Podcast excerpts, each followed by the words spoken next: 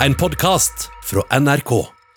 Flere av de store museene sliter nå med lave besøkstall. Kode i Bergen har store økonomiske problemer, og stiftelsen Norsk Folkemuseum frykter det samme. Men det er noen som klarer å kapre noen av dem som er på norgesferie. Vi har faktisk femdobla besøkstallet våre hvis jeg skal sammenligne med samme periode i fjor. Så eh, vi passerer vel denne uken hele fjorårets besøkstall, tenker jeg. Og vi har så vidt begynt sesongen. Kistefoss museum ved Jevnaker har gjort det mange andre museer ikke har fått til så langt i sommer, nemlig å øke besøkstallet. Samlet sett har de allerede flere besøkende enn i fjor, forteller Kristin Gamme Helgaker, salgssjef ved museet. Og så har vi jo hatt eh, litt logistikkutfordringer med parkeringsplasser. Fordi nå kjører jo alle bil. Vi har jo ikke hatt noen busser nå eh, så langt. Så eh, vi har utvidet parkeringsplassene våre. God dag, god dag.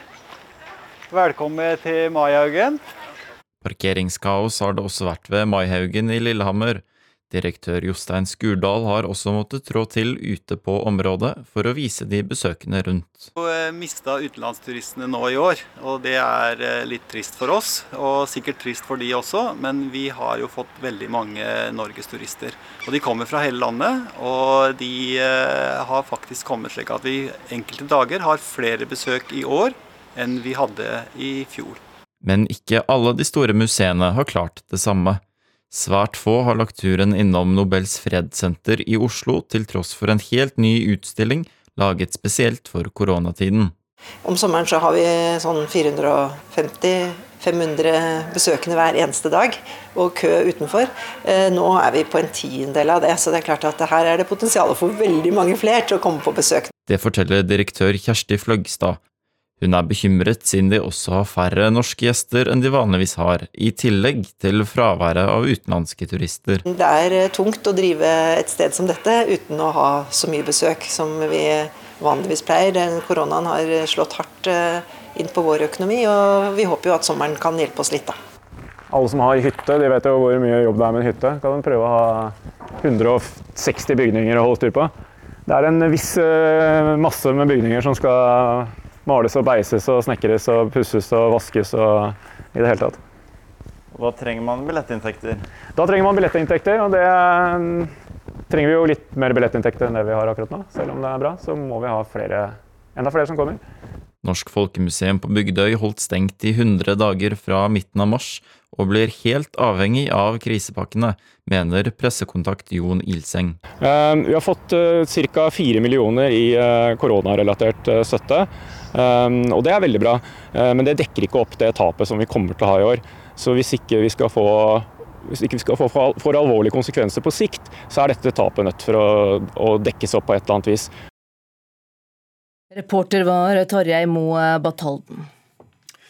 Flere nordmenn er turister i eget land denne sommeren, og vi har tidligere hørt at mange har gått til anskaffelse av hengekøyer og kajakker og bobil og telt og alt som er fint, for å kunne oppleve naturen til både fjells og til havs. Og mon tro om ikke de yngste og sprekeste i befolkningen har også kastet seg på denne friluftstrenden. Anna Næss, styreleder i Den norske turistforening avdeling Ung, god morgen. Hei, god morgen. Er det ditt inntrykk at uh, også flere ungdommer reiser på friluftstur nå i sommer?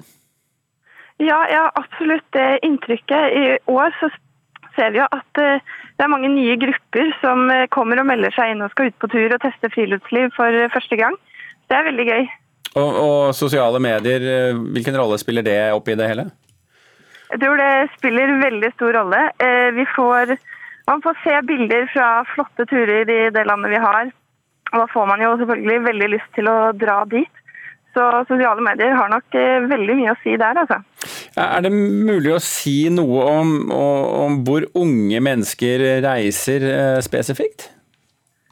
Jeg har vel fått inntrykk av at eh, det er veldig mange som drar til populære fjellområder og kjente fjellturer som Besseggen, Trolltunga, Dronningstien i Hardanger, eh, men også områder som Lofoten f.eks. Mm, og Hvilke tips har du til unge som vil på tur, men kanskje ikke har opparbeidet seg kompetansen og erfaringen ennå? Det viktigste vil jo være å planlegge turen godt. Man kan f.eks. bruke et planleggingsverktøy som heter ut.no. Der kan man se ruteforslag, eh, estimert timeantall kilometer. Og så må man huske å ha med seg nok sikkerhetsutstyr i form av ulltøy og varme klær, selv om det er sommer. Og førstehjelp. Sjekke DNT sine sider for å få føremeldinger fra fjellet. Eh, og viktigst av alt er vel å tilpasse turen eh, etter egen evne, og ikke være for optimistisk, fordi det er de turene med overskudd man nyter best. da. Og man bør vel også, med tanke på at det er ikke ungdommen som eh, sitter på de største pengesummene her i landet nødvendigvis, har du noen tips for å, på, på hvordan man kan reise billig? Ja, det er jo mye tips der. For det første så kan det jo lønne seg å melde seg inn i DNT Ung. Fordi Som medlem så får man ganske gode rabatter på eh, hytteovernattinger i fjellet og i marka. Man får også rabatter på eh, tursentrene hvor vi selger turprodukter. Men I tillegg så er det jo eh, viktig å ha med seg at man ikke alltid trenger det nyeste og flotteste og beste utstyret, men at man heller kan bruke det man har fra før av. Låne av andre eller kjøpe brukt på Finn eller Thai f.eks. Men nå som jeg har deg her, eh, hva er dine favoritturer som du gjerne vil anbefale eh, oss nordmenn, og ungdommen da kanskje særlig? Ja, jeg har kanskje spesielt to turer jeg vil anbefale. Den ene er eh, du, man kan ta tog eller bil til Rondane og gå opp gjennom Rondane til Dovre. Da går du mellom to sånne store fjellmassiver i stein via sånne grønne, frodige daler. Det andre området er Senja. Det er ganske likt Lofoten med høye, spisse fjell rett ut i havgapet, men mye mindre folk. Mye mindre folk. Annet man bør tenke på øh, på tampen? I år så er det jo sånn at man må booke sengeplasser på DNT-hytter hvis man skal eh, komme, så det er viktig å planlegge turen nøye der. I tillegg så er det viktig å ta med seg alt av søppel og skrot man finner, som både er sitt eget, men også andre. Så det er alltid viktig, men spesielt nå som det er så mange i fjellet. Ok, Anna Næss, eh, styreleder i DNT Ung, eh, takk for at du var med oss, og alle dine gode tips. Takk, ha det bra. Kunst eller hærverk? Det kan eh, være vanskelig å skille mellom det noen ganger. Renholdsarbeidere i London skjønte ikke at graffitien i en T-banevogn var det nyeste verket til den verdenskjente gatekunstneren Banksy, og de vasket det derfor vekk. Kulturreporter Henriette Bertheussen Isaksen, hva var det som, som skjedde? Banksy han er jo kjent for sin eh, særegne politiske gatekunst og installasjoner. Budskapet det er gjerne det kan være antimilitært, antikapitalistisk og gjerne kritisk til den etablerte samfunnsstrukturen. Nå er det en av T-banene som du sier, i London som har fått eh, besøk av eh, den verdenskjente, men anonyme kunstneren. Eh, problemet var jo bare at renholdsarbeiderne ikke gjenkjente kunsten hans og gjorde det de skal når de oppdager graffiti i T-banevognene og vaska det vekk. Banksy han posta sjøl en video på sin Instagram-profil til sine snart eh, ti millioner følgere, hvor han eh, avslørte sitt nye kunstverk. Men allerede før han hadde publisert eh, verket på Instagram, hadde de vaska det vekk, de flittige renholdsarbeiderne. Ja, Han var rett og slett litt sent ute. Hvilke hvilket kunstverk var dette? Kunstverket heter 'If you don't mask, you don't get'. og Det antas at budskapet skal ha vært å få flere til å bruke munnbind for å hindre spredning eh, av smitten. En kilde som jobber for eh, Transport for London, sier at eh, det ble behandla som all annen graffiti. Jobben er å sørge for at vognene er rene, og spesielt i disse tidene.